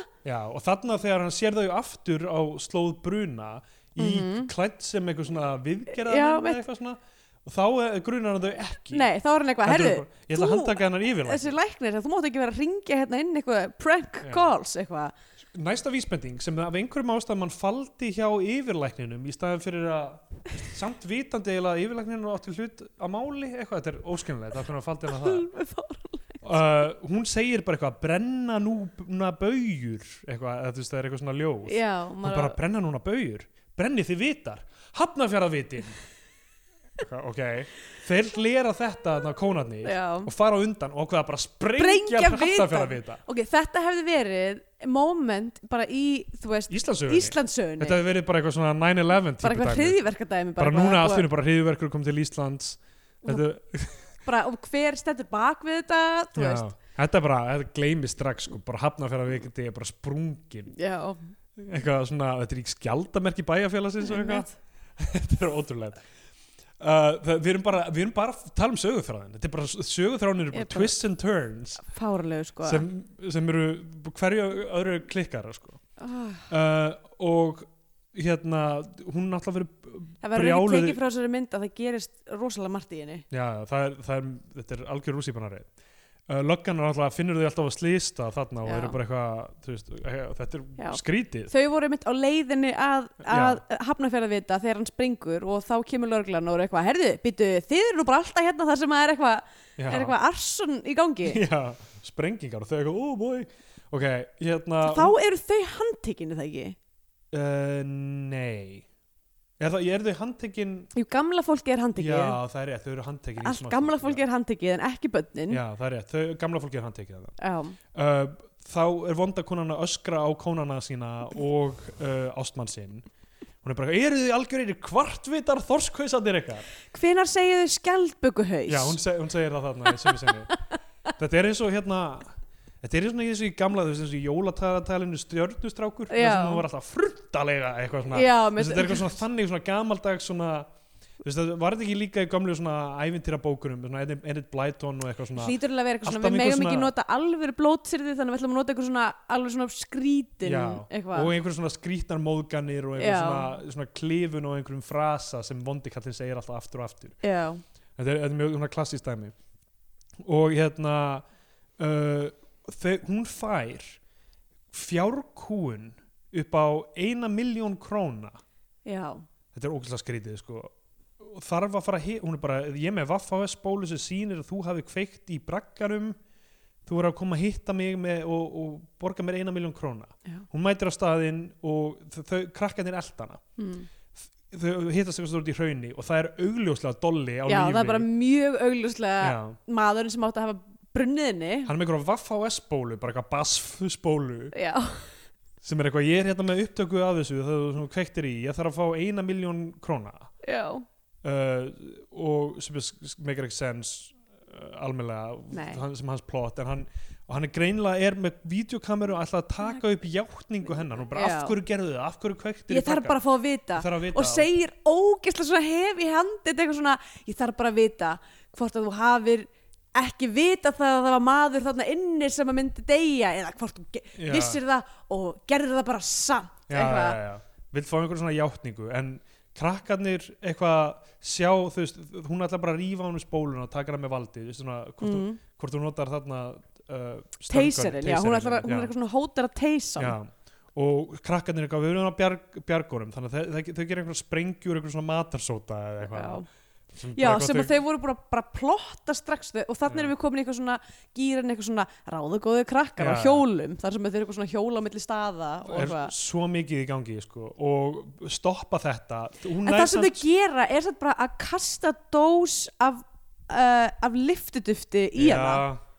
Og hún er eitthvað, "Ugh, ég er alltaf liftudufti Já, þetta var bara liftið Það var ekki svona, þú veist, matasóti Og- hvað blandar maður eftir við það? Eitthvað svona, þannig að gís? Já, ég meina það gæti alveg vel verið en, en þú veist, visual effektin sem maður sér er bara, þau ó, duftið Þau bara svona kasta liftudufti yfir hana. Hún er eitthvað, ó nei, liftuduft Þannig að þau ná spólunni. Já, fara með hana spóluna til löggunar án þess að horfa á spóluna Já. fyrst og segja bara, heyrðu, það er bara það er fórsettin bæjastjórnar sem fóking brendi á inni og ber ábyrð á öllu sem er búið að gerast í hafnafyrði sem löggan er mega róleg yfir. Já. það er bara hrína hriðjuverk árasa og íkveikja.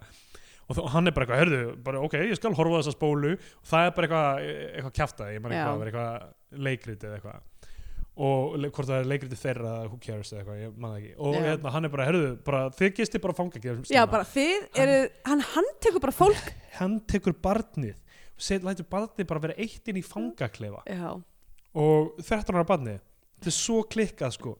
Og, ti- og þá mætir mamma hennar með af einhverjum ástæðum fórseta bæjastjórnar Já. og yfirlækninum sem bara við höfum ágjör á þér þú, þú ert búin að vera eitthvað þú veist eitthvað orðin einhver delinquent hérna. Já, þannig að við þurfum bara að leggja þig inn, inn á bara geðdild bara við þurfum að láta nauðunga vist það Já, og yfirlæknir, eins og við vitum úr fjölmjölum við fjöldum undanfærinu vikna já, getur látið, eða þú veist, læknir getur látið nauðunga vist bara, þú getur skrifað, bara ég þarf að fá þessa manneskinu á deild af því að hún er sjálfur sér hættulega öðrum. Já, þannig að það er bara gert við þetta það er bara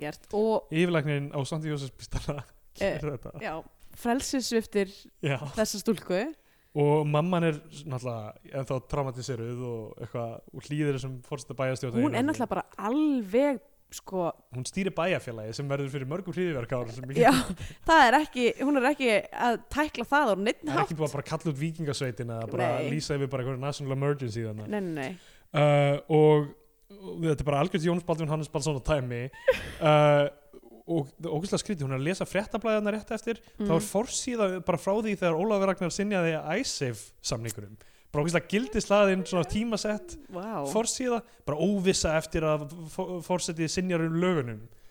Þetta er bara svona stærsta frétt ársins vá. er á þessu blaði og þau sína forsíðina af Já, einmitt Ok, Og á þessum tímapunkti þá kemur Didi, þarna já, gamla leikonan sem er eitthvað, Sunset Boulevard típan já, mæti bara allt einu til mömmunar og við vitum, við, við, við, við höfum ekki fengið smjörþöfu því að þær þekkist á neitt hátt. Nei, nei. hvað þá að einn sé móðir hinnar. Um, og er eitthvað svona mjög að tala undir rós eitthvað svona, eitthvað þú getur ekki skilað hana eftir einn, eitthvað, hún er eitthvað þú, þú ert ekki að fara að segja mér hvernig ég á alveg mitt bann, eitthvað, ég var þó allavega á svæðinu eitthvað, já, já. og svo er það samtal bara búið.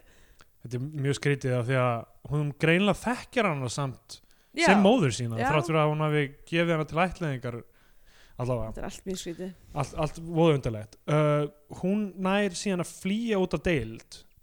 Já, hvernig var það aftur? Ég, ég var alveg að missa Já, hún er, er ráð og góður úlingur Já. hún er hérna uh, einhvern veginn, næ, hún ítir hérna líklenum út úr skránni út úr skránni og er með dagblað, dagblæðið undir, já undir. þess vegna sjáum við dagblæðið Já, gamla, góða Já. klassiska klassíst trikk sem allir Mm. krakkar þurfa að kunna mm. og hérna flýr bara er upp á þaki þarna á spítalum, þetta er mjög skeri dæmi Já, bara er eitthvað komin upp upp á, á þaki er bara komin upp á þak og eitthvað og ok, og svo uh, kemst hún að því þetta er, þetta er svo klika að náttúrulega að Gaurin er ekki dáin Já, og þetta styrlaða plott hans eftir hann, hann var kallar á sjó sem sagt, og var bara á sjónum og svo kom hann aftur í land og var bara eitthvað ó, það er bara verið að halda jarðaför.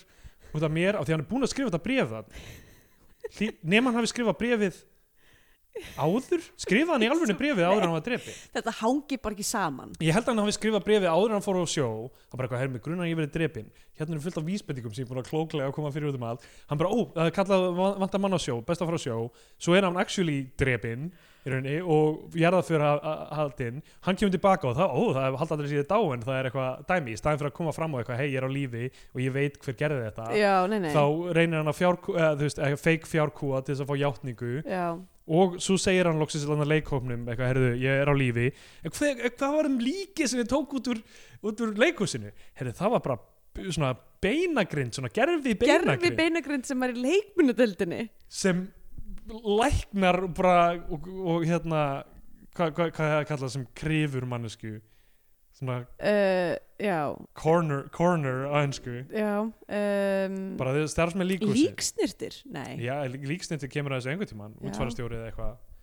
Uh, krupningamestari haha, krupningamestarin krupningamestarin fattar ekki að þetta er ekki manneska heldur leikmunur. Þetta er plast. Þetta er bila, nema það að vera með aktual raunverulega beinagrind í leikmunadeldinni það getur verið sko. Og hérna þetta gamla fólk er að fela eitthvað ótrúlegt sko. klikkað, sko. og uh, það er örgulega, sko fjöldagröf undir þessum lundat og það sem þeir alltaf hittast. Það er búið að ríða öllum þessum líkum. Oh hérna þau eru að, hvað, byrjuð þetta á langgengi að ríða líkum í það er barnamynd alltaf victimless crime þannig að við erum bara aðeins slaka á hérna. Reyndar, góða punktur uh, ekkert að því. Og, nema að vanhelga lík auðvitað. Já, ok. Ok. Það er glæpur. Það er Já, glæpur, það er glæpur, það er rétt. Það er á það að vera glæpur?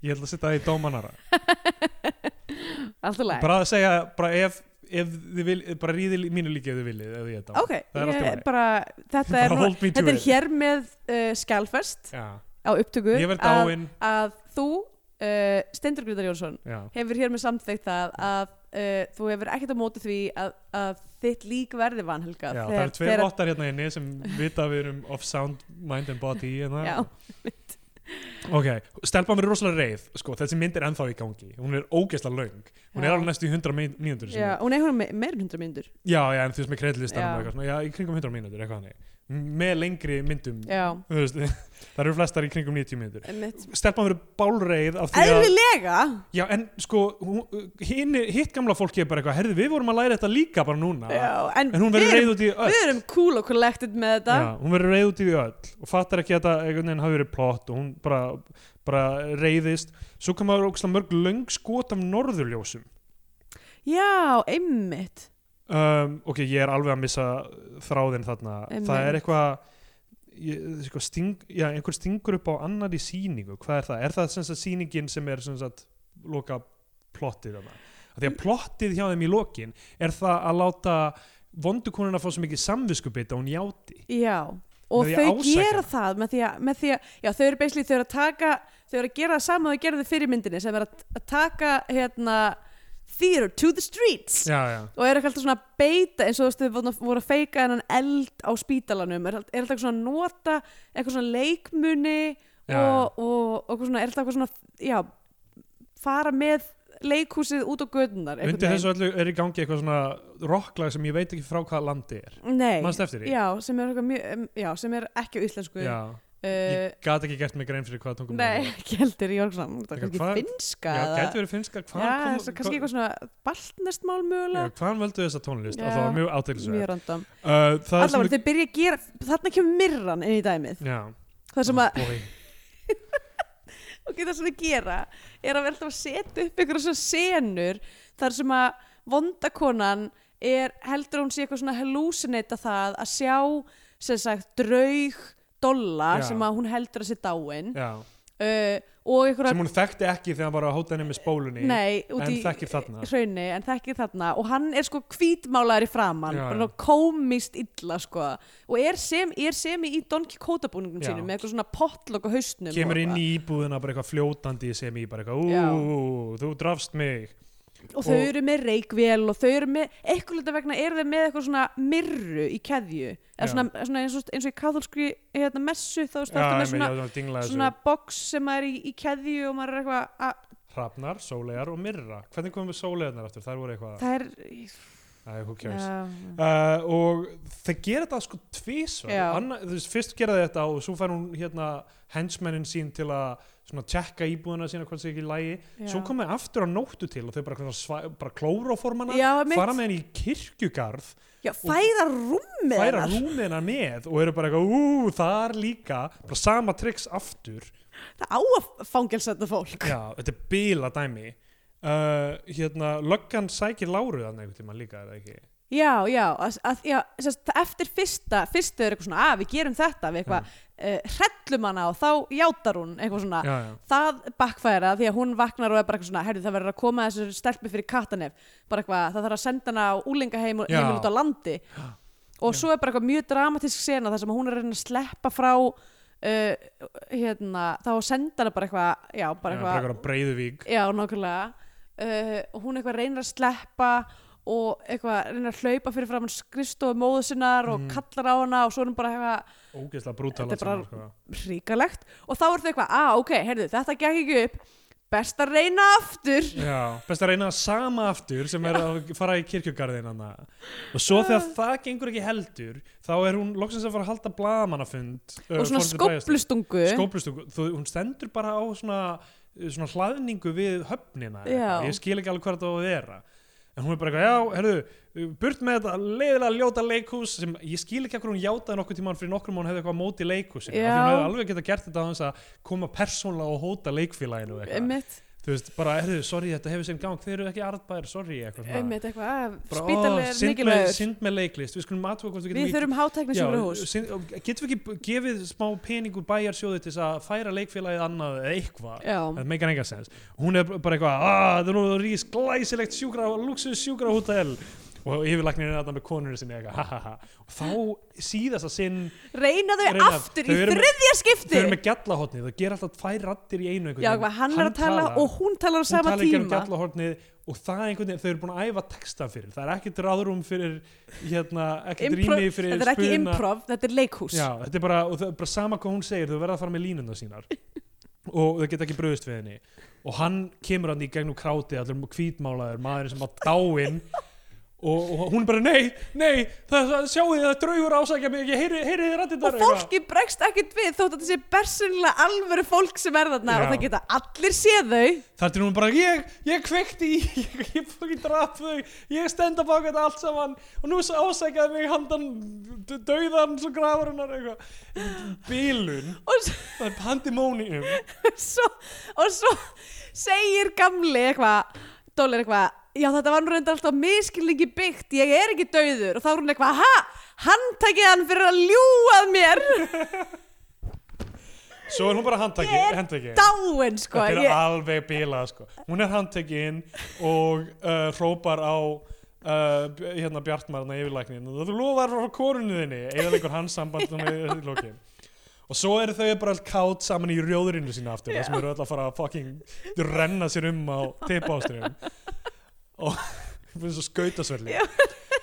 er svo snakkskvöld á Bergheim Oh my god, ég var búin að gleyma hvað er þetta gerist síðast. Eitthvað, leikhúsið er allt um kring já, já, þau bara verðum að velja nýtt leikrit núna. Ha ha ha, þau eru öll bara kátt og hérna, öll veröldin er leiksvið og eitthvað svona dæmi. Og svo bara er myndi búin Já, reynda það sem er gerist áður en að myndin klárast er að uh, bersinlega er þau að fara að detta í einhverju orgju þannig að, þannig að stelpan og skátastrákurinn er eitthvað, herðu, uh, við ætlum aðeins að bara kíkja eitthvað annað, bæ. Og mamman er mætt, sko, hún er búin að er búin að fyrirgefa móðu sinni og Já, já. það, það er eitthvað búin að á samband sitt. Og hún er bara eitthvað, já, já, komdu bara heim fyrir kvöldmatt eh, og svo er myndin búin. Já uh, mjög mikið að slæmu ADR í þessari mynd þú veist, það er að döbba yfir eitthvað línur sem bara, maður er eitthvað, wow, þetta passar ekki við munnreifinguna. Nei, nokkulega, það er allt uh, það er allt að tæknilega það séð. er alltaf hvað var það kvikmyndagerði Já, einmitt. Og, og handritið og það er alltaf Það er bara, já, alltaf öllu. Ok, Skandinavian Penetrix, við, við erum mínútu eftir Ok, uh, já, við erum að tala um eitthvað svona spá í bolla, eitthvað svona smá galdrar, það er dauði, geðviki, slís, spiltur embættismadur, margir, bæði löggan og hérna vondakonan, um, þetta þetta er ógeðslega trist. Þetta er ógeðslega trist saga. Akkur þetta er litli strákurinn að Deyja, í byrjun myndarinnar? Það, Akkur þetta er pappinar að vera eitthvað Nú mátt ekki gleyma mér handan grafarinnar. Þetta er bara það, já, draugagangurinn þetta meikar ekki neitt sens. Þetta er hræðilegt sko. Oh. Klippingarnar í byrjun myndan eru allar svona hú, ha, heyrðu já, oh my god, við glemdum við töluðum ekki eins og um hérna car chaseið Já, það sem að Latti mætir að því að, að, því að hérna, kónarnir er eitthvað að elta þegar þau tók chaser þá byrjar eitthvað car chase þar sem að Latti og þar sem þeir enda á eitthvað svona hérna, þröngva kónunum í sínum bíl út af götunni og þeir enda bara út í hraunni og þau skilja það eftir hann í hrauninu og hérna og á meðan þetta, þetta car chase er í gangi er mest aggressiv vinnjætta Já, á efninu sem ég hef nokkuð tíma að sé það er basically, þetta er basically eins og bara svona Fissa svartur fisserringur með þú veist pínu hérna blörri, þetta er fáránlegt Já. sko, erum við búin með Scandinavian Heritage Getum við ég meina greiting er all over the place. Já. það er skipt um greiting svona sexunum bara þetta, maður, þessi mynd, mynd veit ekki hvernig hún á að vera í hvaða stíl hún á að vera. Bara liturinn og tónnin og bara er, er off, bara endalist sturlað, uh, ég meina ok ég ætla, ég ætla að gefa þessari mynd uh, uh, L7 af af hröfnum, sólegjum og mirru já, já, ég, ætlaði mér að gefa henni tvo rafna, tvær sólegar og eina mirru af L7 þetta var auðvitað, þetta lág betur. Þá var komið einn tíma mútið þess að gefa myndir einhverjum sessa fallagskipi íslenska kvikmynda og í íslenska fánan. Uh, annars uh, uh, byrju, hvernig er þetta Eða- E eða við mælum frekar með að hlustundur frá einhver bandaríska Hollywood-dellu og fórum bandaríska bjánan og fær bandaríska bjánan frá mér. Þetta er uh, hræðileg mynd já, og bara þetta er það er, ég get eiginlega ekki einu sem mælt með henni að þú veist það sé gaman að horfa á hana af því að hún er svo, svo löng já og- allt og og það er eiginlega ekki tilefni til að horfa á hana undir neinum nei, kringustæðum þetta er bara, bara, kveikmyndagerðin er ónýtt og bara handritið er ónýtt og bara allir sem koma að þessu bara eh, hefðu átt að gera eitthvað annað já, í tíma sinn. algjörst travesti sko. Er um, algjört disaster. Hún kom úr 2011 og þetta voru, fólk sem hefur unnið í kveikmyndum og fullt af fínum leikurum Já. sem að eru ástæðli leikarar þessara þjóðar og, og tóku þátt í þessu og Hvernig var markað 107 miljónir króna. Við verðum að fá það hreint hvort já, það er hvort það sé raunverð af því það var, var- að var estimated af IMDb 107 miljónir hvernig voru markasett, hún var sínd í sambíónum og eitthvað, þá ég, þú veist ég fór á Facebook síðun hennar, það var einhver svona leikur vinna miða til að fara á frumsýninguna eitthvað, fólki sem fór að sjá þetta, ég meina hvernig leið þeim, hvað var þetta? enga hugmynd. Þetta er Eh, ótrúlegt, ótrúlegt þessi, að að þetta hafi hafi gerst. já. Uh, viltu mæla með einhverju öðru? Ég, ég hef ekki tíma til að horfa á reitt annað, ég er að horfa á L7, Hrafna, Sóleiðar og Mirru og heimildamyndum Óskabörn þjóðarinnar. Þetta er að eðalega líf mig. Lífið mitt er, við hefum átján myndir eftir Andrea af því Já. sem við erum með núna, átján Já, myndir. það er rétt Og svo getum við kannski látið þetta passa við okkar schedule einhvern veginn að taka nýjar nýjar myndir eftir það sem að berast. Já. Þannig að þetta sé ekki stanslust. Að draga mann niður Ég- viku eftir viku. Mér líður eins og ég sé alltaf hérna, að tala um einhverju Ég myndir. vil líka, þetta er bara lífið mitt er alfarið þetta. Eftir vinnu í gær, ég var bara svona að klára að vinna Svo bara ok, nei, nú þarf ég að fara að horfa á L7, Hrafna, Sólegar og Mirru Og ég lagðist inn í rúm með tölvuna Og ég var bara eitthvað Hvað er, er ég að gera við líf mitt í alvegni? Er þetta það sem ég vil nota tíma minn í? Uh, já, um, ég augljóslega er ekki fara að gefa þessari mynd íslenska fánan. Um, ég, ég kjöl dreg þessa mynd og hendinni utan borðs. Uh, Sem myndi þetta degi í bílslýsur með papparum og sig og svo ríðum við líkinu. Oh my god ég var að vona svo innilega enginn sem kom að gera þessari mynd að sé bara hlusta á Ég vona að þegar við sögðum í byrjun eitthvað svona Herðu, við erum ekki að fara að tala vel um þessa mynd já, en, bara eitthvað, en bara, þú veist, eitthvað, þetta er synd. Ég vona að þið hafi hætt þá. Þess það að halda áfram. Eiginlega sko. Um, til hljóta vita Ég veit ekki, þú þarft, að- ef þú ert að gera þessa mynd og hún er svona, þá hlýtur að vera Já. kannski í, í, í klipp, kannski er þetta kannski er þetta sem gerist, eins og í Óskarbjörn þjóðarinnar þú ert að klippa myndin og þú ert bara þetta meikar engan sens Hvað Allt sem við að tókum gera? upp, þau er búin að vera eitt ára að klippa þetta og eru bara eitthvað, fuck kannski er nák kannski er stundum bara fólk að skjóta þetta virkar allt í bútum Já. og þetta er með fucking latta og þetta Já, björgvin og einmitt. þetta er bara þetta verður æðislegt og þetta mun allt meika sens og klippur þetta og þetta er bara fuck, er þetta svona? Er hljóta samt afrakstur? vera að horfa á dailies og vera bara þessi rammar eru ekki lægi fixa þetta með effektum. Ég veit ekki, kannski þetta er bara eitthvað Fire Island hérna, Fire Festival eitthvað ekki Fire Island, Fire Festival bara eitthvað rugg ímynda sér að þetta mun allt fara vel á endanum. Uh, er, að þau eru eins og, leikstjórnir eru eins og Billy McFarland og Ja, ja Rule Íslands. Já, einmitt. Uh, hérna já, ég uh, ætla ekki, ég held ég mæli bara með því að, að þið hlustundir fari bara og, og taki utan um ástvinn ykkar. Bara faðmi að ykkur ástvinn ykkar og bara verið þakklátt fyrir þeir í líf ykkar. Og verið þakklátt bara fyrir að vera ekki í þeirri stöðu að þurfa að horfa á myndir eins og þessa. Tala um það síðan í einn og halvan klukkutíma Já. rúman segjum þetta gott, ég veit ekki hvað þið finnið okkur á samfélagsmiðlum. uh, bara góða nótt. Góða nótt